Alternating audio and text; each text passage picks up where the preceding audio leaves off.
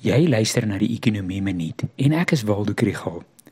Wat in die FSA gebeur het, het 'n invloed op wisselkoerse en finansiële markte reg oor die wêreld.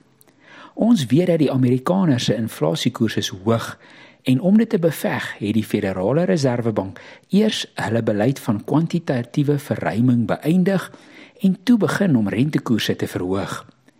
Die hoop is vir 'n sagte landing wat beteken dat hulle inflasie onder beheer bring sonder om ekonomiese aktiwiteit of werkskepping te veel te demp. Met die vorige 75 basispunte rentekoersverhoging het die markte begin dink dat inflasie daar binnekort gaan daal en dat die Fed rentekoerse in kleiner inkremente gaan verhoog deur die res van die jaar.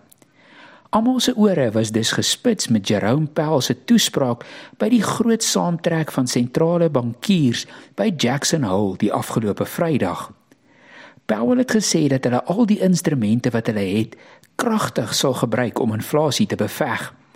Hy het ook daarteen gewaarsku dat die Fed nie voortydig streng beleid sal verslap nie en dat rentekoerse vir 'n tyd lank hoog gaan bly. So 'n boodskap veroorsaak volatiliteit in markte en die JSE en randdollar wisselkoers het Vrydagmiddag verswak. Verlede week het die Reserwebank se adjunkgouverneur, Fundi Jasibana, gewaarsku dat die bank bekommerd is oor die inflasionêre impak van 'n swakker rand. Die impak van die hoë internasionale olieprys en voedselkommoditeitspryse is erger wanneer die rand depresieer. Maar reepekoersverhogings op die regte tyd kan keer dat dit te veel druk op pryse plaas.